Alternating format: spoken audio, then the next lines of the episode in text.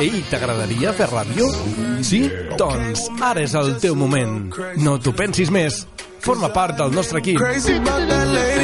Memoritza aquest mail radiolavall arroba gmail.com i posa't en contacte amb nosaltres. Ens ho passarem bé. Coneix com funciona l'apassionant món de la ràdio per dins. No deixis perdre aquesta oportunitat. Vine a fer el teu programa de ràdio. Música, entrevistes, esports, programes de contingut, tècnic de so. És igual, el que més t'agradi.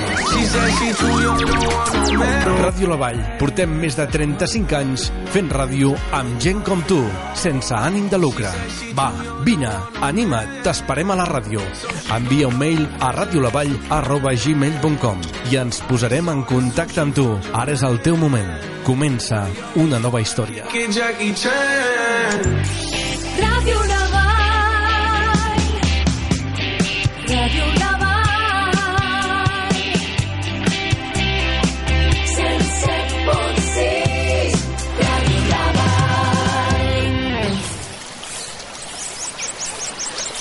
Comença ara a Ràdio La Vall Els Enfilats en Ruta, el programa de senderisme i excursionisme de Ràdio La Vall. Prepara la motxilla, perquè avui gaudirem la natura, respirarem aire pur, coneixerem paisatges espectaculars i caminarem per tot el territori amb el grup Els Enfilats de les Preses.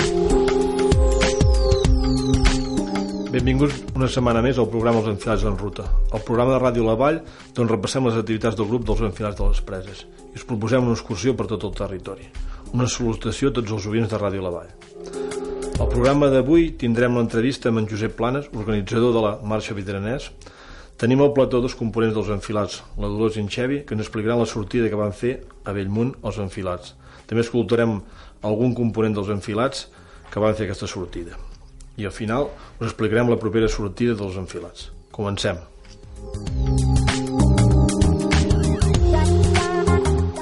Avui tenim la Dolors i en Xevi, que ens explicaran una, una mica com va anar la sortida de cap de setmana.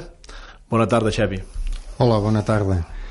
Bé, us explicaré una mica la, la ruta que vam fer, que era per la, per la, la zona sud de l'espai d'interès natural de les Serres del Milany, Santa Magdalena, Puigsecal, Bell, Bellmunt, i recorre, mm, el recorregut era per la Serra de, de Bellmunt. Uns 14 quilòmetres i pico, era una ruta circular en forma, en forma de 8 i uns 725 metres de, de desnivell positiu eren ens eh, vam sortir del nucli urbà de, bueno, rural de Sadera, que és del municipi d'Oris, prop de, prop de l'autovia de Ripoll a Vic. Eh, vam començar a, a caminar aquí, que està a uns 620 metres d'al- d'altitud. El, no és de començar a trobar el, el gran casal de, de Sadera, eh, espectacular i els exteriors molt ben cuidats, amb l'església al costat de Sant Marcel del, del segle I del segle XI, perdó. Eh, a partir d'aquí, la ruta aquesta va ser una pujada i una baixada. La pujada era tot al principi, vam, vam començar aquí al mas Soler que vam aparcar, vam visitar aquest mas que us he comentat i l'església, i vam començar a remuntar amb, a través de, del mig del bosc fins un, una punta, un mirador sobre la plana d'Osona i, el, i el Pirineu que es diu eh, Punta Reia, que ja està a 950 metres, ja havien fet bastanta pujada, amb unes vistes espectaculars, amb una mica l'inconvenient que vam tenir que la, la boira ens anava seguint, la teníem per sota sempre, nosaltres anàvem pujant i la boira ens anava, ens anava apretant. Fins al final de la, de la sortida quasi. que després va, va a, a partir de Bellmunt ja va esvergir la boira. A partir d'aquí tot, tot pràcticament va ser fer carena cresta, amb alguns trams, amb alguns trams molt macos, i eh, vam arribar al, al collet de la garganta, que era el vèrtex del 8 de la ruta.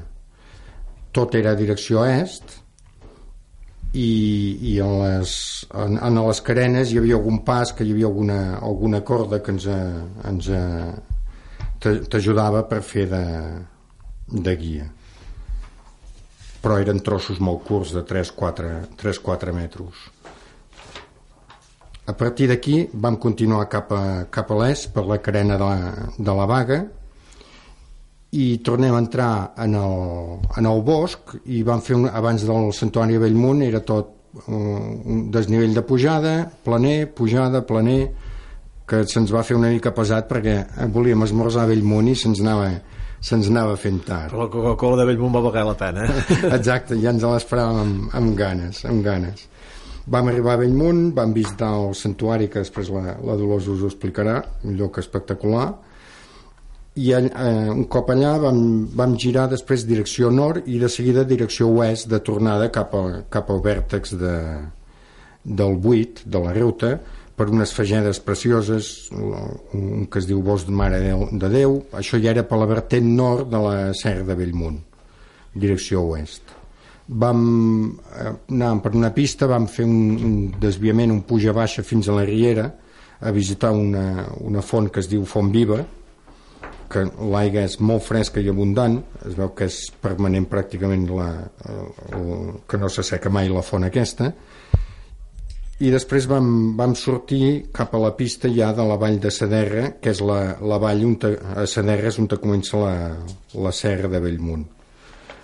Vam seguir cap a, cap a Saderra, passant per Mas la Tartera, són uns masos espectaculars, molt ben cuidats als exteriors, i, i vam arribar al, al vehicle un altre cop. En resum, és una ruta fàcil i molt divertida per, per gent habituada a caminar i per gent no habituada poder és una mica més dificultuosa, però no, no, no, no, no porta cap, cap dificultat extraordinària. Els trams aquests que deies de corda, vull dir, sí, s'ha de vigilar, però vull dir, es poden fer bé. Es fan perfectament i la corda és més que res per, per, seguretat psicològica, no? pots passar tranquil·lament sense la corda. No, no, vull dir, realment la carena va fins a arribar a Bellmunt és espectacular, vull dir, val la pena. Sí. Dolors, ara que ens explicaràs una mica la història de, del santuari de Bellmunt. Bé, hola, bona tarda. Uh, D'una manera molt breu. D'entrada, eh, comentar que el santuari de Bellmunt eh, pertany al municipi de Sant Pere de Torelló. No ho podem oblidar, no ens ho perdonaríem, els de Sant Pere. Uh, quan Bellmunt és, és un edifici que és un únic cos en què hi ha espais de diferents usos. Tenim un refugi, tenim un restaurant i tenim, evidentment, el que és l'ermita, el que és el santuari de Bellmunt. El santuari té una forma de creu llatina i aquest cos únic eh, és molt simple, és molt simple. Té unes teulades que baixen per les dues vessants, però potser el més característic d'aquest edifici és que el seu perímetre és irregular. És irregular perquè la idea és aprofitar al màxim la superfície sobre la que se senta l'edifici. No? Eh, és una mica al revés del que sol passar habitualment. Normalment tenim un espai i a sobre hi fem l'edifici i aquí fem l'edifici aprofitant tot l'espai fins als límits, fins als límits de, de les cingleres de, de Bellmunt. De tal manera que és ben bé el que en, en un, el llibre de versos de l'emigrant d'en Jacint Verdaguer quan fa referència a l'ermita de Bellmunt parla de l'ermita al cel suspesa. Una mica eh, recordant aquesta idea eh? que és una ermita que s'ajusta exactament a la superfície sobre la qual era possible construir.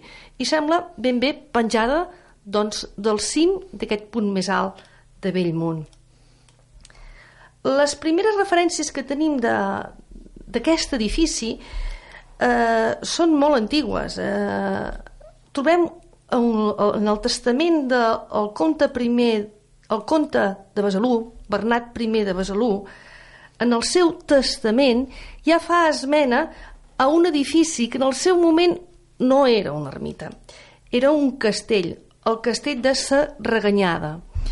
Eh, estem parlant d'una època de comtes, no? Els comtes dominaven un territori i en aquest territori no sols dominava el que era el castell de Serraganyada, sinó que també tenia altres castells al seu entorn. El castell de Besora, que aquest dia que vam fer la pujada, durant la pujada el vam poder veure molt fàcilment, el castell de Corull, el castell d'Urí i el castell de Lluçà. És a dir, era una zona dominada pels comtes de Besalú. El proper text que, aviam, eh, hem de tenir clar que a l'època hi havia molt poca, eh, molt poca escriptura i gairebé tot el que trobem eh, es basa molt sovint en documents de caire jurídic. Per tant, el següent document que es troba en relació a l'ermita torna a ser un testament. En aquest moment, en aquest, test, aquest testament és el de Pere de Serra, un senyor de Vic, i és un testament datat del 1240. Uh, faig referència precisament a aquest document perquè aquí ja comencem a parlar de santuari. O sigui, aquest edifici penjat de la punta més alta de Bellmunt va anar canviant d'usos en funció doncs, una mica de, del que la història eh, feia evolucionar. Eh, llavors, altres dades que tenim en relació a aquest edifici mm, ja no són documents jurídics, sinó que són els llibres d'obres. Són els llibres d'obres que feien referència a tots els arranjaments o a l'adaptació a aquests nous usos que us estic dient.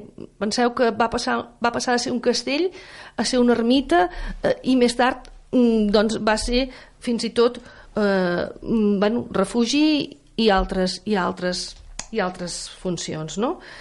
Poca cosa més a dir.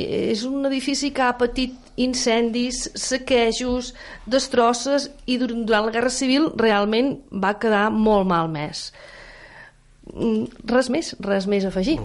No sé si aquesta sortida vas, vas veure alguna anècdota o vau trobar-vos amb alguna anècdota. Bé, eh, jo en primera persona no, perquè en aquell moment no estava ben bé a la zona, però eh, el nostre company Xevi, eh, Xevi, ho explico jo i poso molta imaginació? No, no. O prefereixes explicar-ho explicar-ho de primera mà. Cal dir abans que els enfilats som tots molt bona gent, però sempre hi ha algun moment que, que una mica més entremaliat. I, I quan vam anar a visitar la, la Font Viva, hi va haver algú que va baixar amb una pedreta per esquitxar una mica i es va trobar Pedreta? Pedreta, pedreta molt petita que volia esquitxar una mica i es va trobar que oh, un altre poder més entremaliat que ell li va, li va tirar un tronc a, dintre l'aigua i va quedar xop de, de Aquest- cintura per avant Aquestes coses passen tots. sí, sempre hi ha gent més entremaliada que altres Semblen mainada, de vegades, ells enfilats. Eh? Bueno, fins aquí us, us han explicat l'adolescent Xevi la, la sortida, que realment va ser molt maca i molt espectacular, i bueno, aquesta anècdota que també fa, fa bé a l'excursió. Moltes gràcies, eh? Ara us passarem a, us explicaran bueno, les, entrevistes que va fer la Dolors a, a Bellmunt amb els dos components que els va, els hi va entrevistar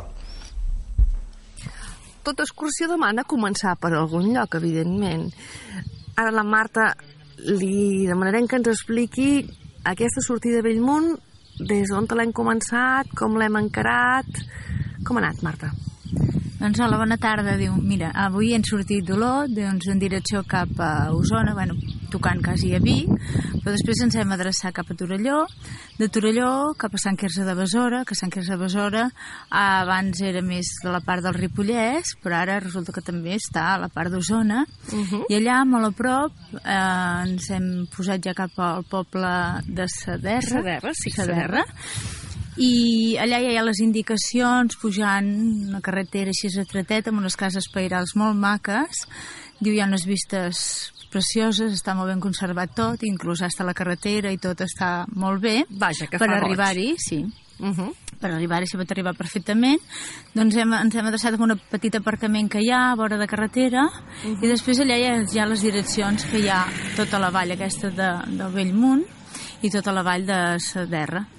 I allà hem començat un caminet estretet, així carretera, però molt bé. El que sí que hem començat amb una pujadeta, Això sí. eh? una bona estona. I al principi de la pujadeta crec que ens hem trobat un espai molt ben arreglat. Què Sí. era, Marta? Explica'ns-ho. També, hi havia una casa supermaca, molt gran, eh, que en diuen el Soler. Ahà. I és molt maca, amb uns jardins i tot, que, Espectacular. espectacular. Però una casa pairal molt, molt gran. Ahà. És per parar-te i visitar-la una mica, mirar els seus fores i tots els seus patis que té, perquè ahà. és molt maca. Sí, perquè això demana esforç i aquests espais Sí. que estiguin arreglats, tots ho agraïm. Sí, sí, així ha set. I hem començat, i això. Eh, sí que avui ha set tot de pujada. En principi tot una pujadeta. Va, també va bé, no? Sí, Moltes i tant. gràcies, Marta. Molt bé, gràcies, adeu. La colla dels enfilats acabem d'arribar al santuari de Bellmunt. Una vista espectacular que el nostre amic i company Jesús ens explicarà una miqueta. Què es veu des d'aquí, Jesús? Bueno, des d'aquí és un gran mirador que pràcticament donen tota la volta, es veu la cara sud, la cara nord, l'est, l'oest, és perfecte, una gran vista. A la cara sud veiem el Montseny, les Agudes, el Matagalls, Abans em comentaves que el Montseny no s'acaba de veure, no? Que està entre les agudes i el Matagalls, però que queda darrere, no? Sí, queda amagat. Es veu Ahà. les agudes i el matagalls. El matagalls és el, el que ens queda més a prop. Si tirem una mica més cap a la dreta, veiem Montserrat, que està tapat amb una mica de boira. Avui ens costa una mica, em costa una mica d'identificar Aviam, sí, perfecte, sí, evidentment. Sí. Una línia Hi inconfusible. havia una mica de boira quan hem pujat, però ara són les 12 del migdia, dos quarts d'una, i ja es va aixecant, Mm. i ja es comença a veure tot, tot molt bé. A Montserrat, i anem donant la volta, ja Aquí tenim la... les antenes i comentem per la persona que més o menys pugui recordar la imatge que es veu des d'aquí. I ara anem cap al cantó. Al cantó del Pirineu. correcte, que molt es bé. veu, hi ha una, una vista espectacular del que és tot el Pirineu Oriental, eh, des del Puigmal, eh, vestiments que queda a la part de darrere de tot, eh, la Tossa d'Alp i el Pedraforca, Mhm, i una mica la Serra del Cadí, també. I I queda es veu res espectacular. I més a prop, aquí a la Serra de Milanys, eh, també, és molt maco tot. i aquí darrere on veiem la neu aquests cims, quins, quins serien aquests cims que Aquí és on hi ha els cims més alts, el Puigmal, Ahà, eh, i al fons eh, quedaria Núria, que no es veu, però bueno... Clar, ens quedaria darrere, oi? s'in- S'intueix que, que queda allà darrere. moltíssimes gràcies Es Jesús tot perfecte. gràcies per explicar-nos una miqueta Vale, gràcies, aquesta vista tan agraïda gràcies ara en Joan Albert eh, li farem que ens bueno, li demanem que ens expliqui el que més li ha agradat d'aquesta sortida a Bellmunt Joan Albert Hola. Bé, ha estat una sortida molt maca, m'ha agradat molt, tant el pujar, l'arribada, el santuari. El santuari trobo que és preciós, unes vistes fabuloses. Eh, lo curiós del santuari és que eh, és un espai lúdic que pots anar amb la família, pots eh, dinar, pots esmorzar, pots eh, bueno, mirar qualsevol cosa, vull dir que és un, un santuari fabulós. Llavors també pots dormir, Mm És una cosa molt això, maca això que- obre possibilitats, no? L'excursionista sí. pot fer un trajecte i que aquest sigui un punt en el camí o pots fer una parada i, i disfrutar i tant, i i tant, i oi? tant, i tant, Dolors, sí, sí, sí, sí, Ah, no, ah, ah, no, és molt maco, molt preciós. Perfecte, moltíssimes gràcies, Joan Albert. Gràcies. Vale. Excursions, consells, llocs d'interès. Viu la natura i gaudeix de les rutes que et proposem. Els Enfilats en Ruta, el programa que trepitja camins i corriols. Els Enfilats en Ruta, el programa que camina per tot el territori.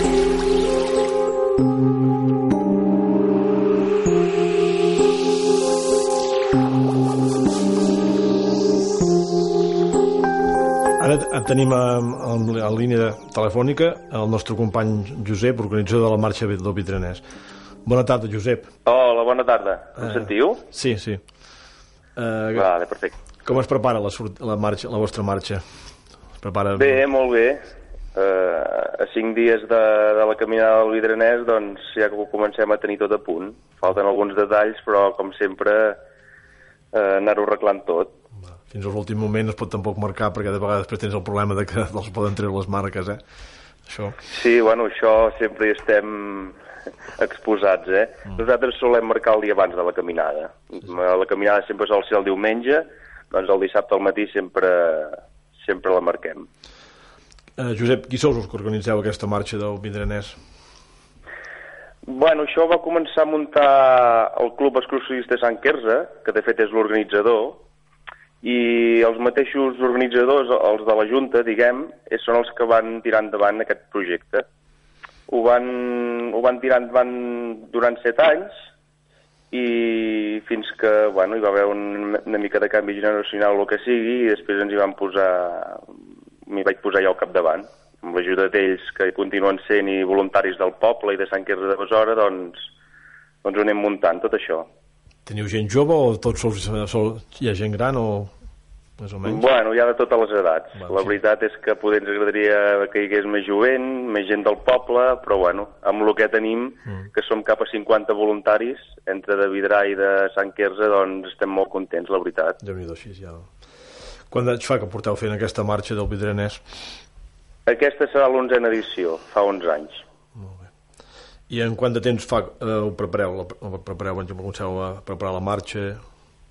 Bueno, mira, com que jo sóc d'aquí al poble, podem dir que durant tot l'any l'estem preparant, perquè ens agrada molt bueno, caminar per aquí, les fagedes, els, les muntanyetes que tenim, i vulguis o no, tot l'any estem caminant per aquí, per allà, provant camins, i el fet aquest de que cada any canviem la, el recorregut doncs ja ens porta aquell, aquella, aquelles ganes de, de trobar nous camins, de netejar-los i, bueno, vulguis o no, doncs és això. Ens porta mesos de feina. Sí, sí, va, i fa molt bona feina perquè si no molts de camins quedarien ja desapareguts.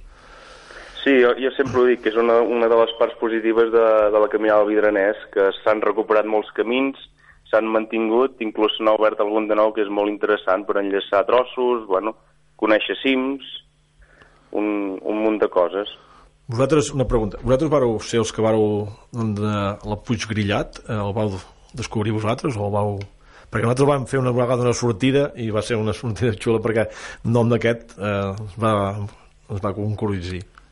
No sé si vau ser vosaltres. Sí, mira, mm, t'explico. Uh, aquí a Vidrà hi ha, un, hi ha un grup de jovent que, bueno, o no tan jovent, però jo m'incloc entre ells, que, que ens fem dir els grillats de Vidrà. Des de fa un temps, bueno, uh, vam començar a anar amb bici, caminar per aquestes muntanyes, i un dia un, com que em fotíem alguna, alguna darrere l'altra, deia, hosti, com ens podríem dir? I un li va sortir el nom de grillats.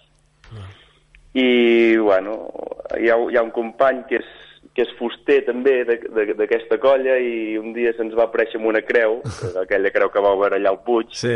i va dir, hauríem de trobar un lloc que ens identifiqués, que identifiqués la zona, que identifiqués el, el grup que som, i mira, vam començar a buscar i vam trobar aquell turonet que amb el permís de l'amo, doncs hi vam plantar la creu. I les pistes allà són maques, vull dir, estan, estan molt al lloc, vull dir, que cal felicitar-vos. Sí, eh? sí. Ja vam, ja vam buscar aquell lloc. Bueno, precisament una de les primícies era que es veigués vidrà. I a més a més es veu Siuret i tot- totes les vistes que vull dir és un lloc, un lloc fabulós. Sí, sí. Recomanable per qualsevol que no hi hagis estat, eh, eh, poder-ho fer. Exacte. Eh, Estem parlant amb en Josep, organitzador de la marxa del Vitranès. Ens podria explicar una mica el recorregut de la marxa i llocs per on passarà i els punts més importants del recorregut, Josep? Sí, mira, eh, bueno, la, la marxa consta de, de, de dues caminades. Eh, sempre fem la llarga, que sol fer entre 18 i 20 quilòmetres, i, i la curta. La curta sol, sol fer entre 12 12 14 quilòmetres. La, la, la primera part del recorregut sempre van juntes, fins a l'esmorzar, més o menys, i un cop allà se separen per la llarga fer el seu tros, la curta escurçar una mica, i la part final del recorregut es torna a juntar. Així, així cadascú pot fer la ruta que més li interessa o li convé. Mm. Aquest any anem cap aquí a la Serra de Corull, que si molts de vosaltres la coneixeu, hi ha el pic de l'Àliga, el pic de Corull, però bueno, no en farem cap d'aquests. Farem camins, fagedes de per aquí molt maques, i parts interessants, el, el pont romà de Salgueda, passem per la casa d'Espaulella, eh, farem el pic de Boac, que és el, el pic del dia, que tant la curta com la llarga el faran, passem per la Comba del Coll, eh, anirem cap a Sant Bartomeu, que hi ha l'ermita, que també és molt maco, farem bueno, també la Balma de la Comassa, i després ja baixarem per, per una sèrie de masies com és la Canal, la Vilavella, torrents que estan ruïnes, i acabarem arribant a Vidrà. Vull dir, una volta d'això. La llarga fa 18 quilòmetres, amb 900 metres de desnivell positiu, i la curta doncs, faria uns 13 quilòmetres amb 750 metres de desnivell positiu. L'hora de sortida de, de la marxa vostra i el preu? L'hora de la sortida sempre ho fem bueno, de 7 a 8 del matí, perquè així eh, ens trobem que ve gent de fora, ve gent del poble, ve, bueno, que s'aplega un, un munt de gent i tothom pugui sortir l'hora que més li convingui i tampoc fer gaires aglomeracions. Pel que em demanes del preu, doncs el preu, mira, eh, hem fet d'inscripcions anticipades, que ara encara les hem de tancar, i el primer mes d'inscripcions es- estaven a 5 euros per no federats i 6 euros per, eh, ai, 5 euros per federats i 6 euros per no federats. I ara aquests últims 15 dies, que encara els hem de tancar, doncs estan a, a 6 euros, ai, perdona, a 7 euros federats i 8 euros no federats. Funciona bé la, I- les, les inscripcions? Sí, mira, ara estem, bueno, estem molt contents, eh, perquè és el segon any que ho fem i ara estem arribant a 500 inscrits. Vull dir que no, no ens podem queixar. I si, I si no arribem als 800, que és el límit que ens hem posat aquest any, eh, el mateix dia de la caminada, doncs obrirem inscripcions a 10 euros. Ah, Vol dir que el que vulgui encara pot venir di, diumenge a apuntar-se, no? Sí, el que vulgui encara hi ha temps durant aquests dos dies, que fins dijous tenim inscripcions anticipades a la web de la Caminada del Vidranès, i si no, que si diu, oita, jo fins l'última hora no ho sé, doncs eh, el mateix diumenge hi ha inscripcions a 10 euros, sempre i quan no arribi més tard de... Bueno, no, no ho tinguem ple. Això sí que s'ha de recalcar. I després d'aquest teniu l'esmorzar i els punts de recu- eh, teniu diversos punts d'avituallament durant el recorregut. Sí, mm, hi ha quatre, tres o quatre punts d'avituallament, tant per la llarga com per la curta. Bueno, la curta en té tres i la llarga quatre. I és això, donem una mica de tot. El primer avituallament hi ha esmorzar, que bueno, donem pa, amb, diguem, pa amb tomàquet amb formatge, pernil dolç, pa amb xocolata, tot tipus de begudes. I després els altres ja hi ha una mica més de fruita, fruits secs, xutxes i també tot tipus de begudes. No, no sé si bueno, alguna recomanació per la gent que vol venir al vostre marxi, si volguessis fer una recomanació per ells. Bueno, la recomanació és que si els agraden les fagedes, la, aquesta és la recomanació. Si els, si els agrada caminar entre fagedes, eh, aquesta és la seva caminada. I això, que si tenen ganes de gaudir d'una gran jornada, aquí estem esperant-los amb ells. I per últim, no sé si, pots, si feu alguna activitat més durant l'any o els mesos feu la marxa o feu altres activitats durant l'any.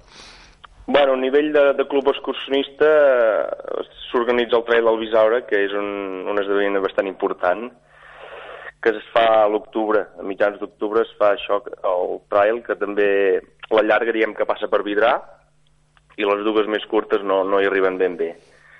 I a nivell de club, doncs, sempre es van muntant sortidetes també.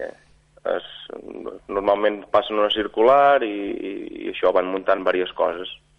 Si formeu, teniu un club bastant important de socis.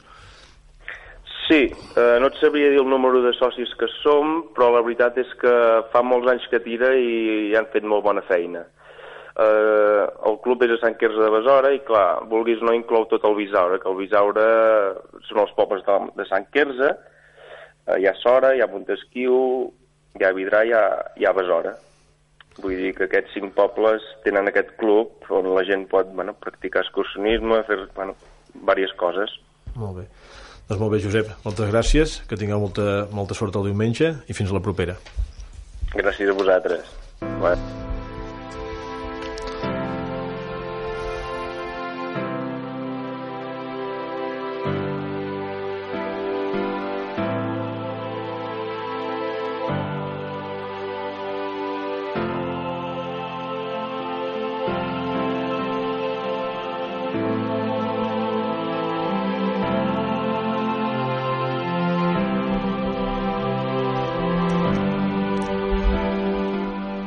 Últim, ara us explicarem la propera sortida que farem als enfilats aquest proper diumenge, el 19 de maig. Els enfilats aquest proper diumenge ens aproparem al poble de Portbou per fer una sortida per aquella zona i la sortida l'anomenem l'olla de Portbou ja que fa una volta circular on pujarem les quatre muntanyes que envolten el poble de Portbou. La sortida la tenim prevista a un quart de set de la bòbila de les preses i a dos quarts de set del consum d'olot. Ha que aquí ja es comencen a queixar una mica. Eh, la durada de la sortida serà d'unes 7 hores és per aquest motiu que cal portar esmorzar, dinar i beguda. La distància d'aquesta sortida són 18 en 45 quilò, eh, quilòmetres i el desnivell que haurem de superar serà d'uns 991 metres. Per això eh, aquesta és la qüestió de que marxem un pèl aviat per, pel sentit de que són molts quilòmetres per arribar al, al lloc de, on hem de sortir és una hora i mitja de, cotxe i, i així suposo que s'arribarà mitja tarda su. La sortida la consider- la considerem de dificultat moderada alta pel desnivell i pel quilometratge. És per això que cal tenir una mica de preparació per fer aquesta sortida.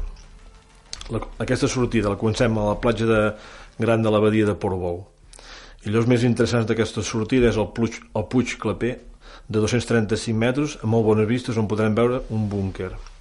On després trobarem un Mair i la font de Tarabaus. Aquí també hi ha un plafó in interpretatiu del paisatge, a ser un bon indret per gaudir-ne. Després ens dirigirem al cim de Carroig, de 636 metres, i aquí tenim el vèrtex geodèsic. Després, al cap d'una mica, trobem el cim de Carroig, cap de 672 metres, on trobarem les ruïnes d'un antic castell medieval del segle X-XII. Des del cim, es, eh, si es té sort, es pot gaudir una àmplia vista panoràmica la costa vermella francesa fins al Cap de Creus. Eh, després podrem trobar també el dolmen de la Farella, eh, és un dels més importants d'aquesta zona. Passarem també pel Puig de Cervera, de 206 metres, on abans d'arribar a aquest puig trobarem una bateria sense canyó. Les fotos que es veuen és molt espectacular aquest canyó. Passarem després també per la punta de Falcó, on tenim unes boniques vistes d'un penya segats. I acabarem la platja del Pi i la cala de tres platgetes, fins a arribar un altre cop a la platja gran. I aquí és tot el recorregut d'aquesta sortida. Una sortida bastant interessant, amb moltes coses per poder veure. Per últim, cal esmentar que la setmana que ve tindrem un programa especial coincidim al Roser de les Preses per parlar de la marxa llanetaires i de la sortida que farem el dissabte eh, al parc de Pedra Tosca eh, amb els organitzadors de la cursa i la dona, i eh, de la dona i les àvies remeieres a motiu de la festa de les entitats fins aquí el programa d'avui. Per la vostra atenció i ens retrobem al pròxim programa dels enfilats en ruta. Fins a la propera, bona tarda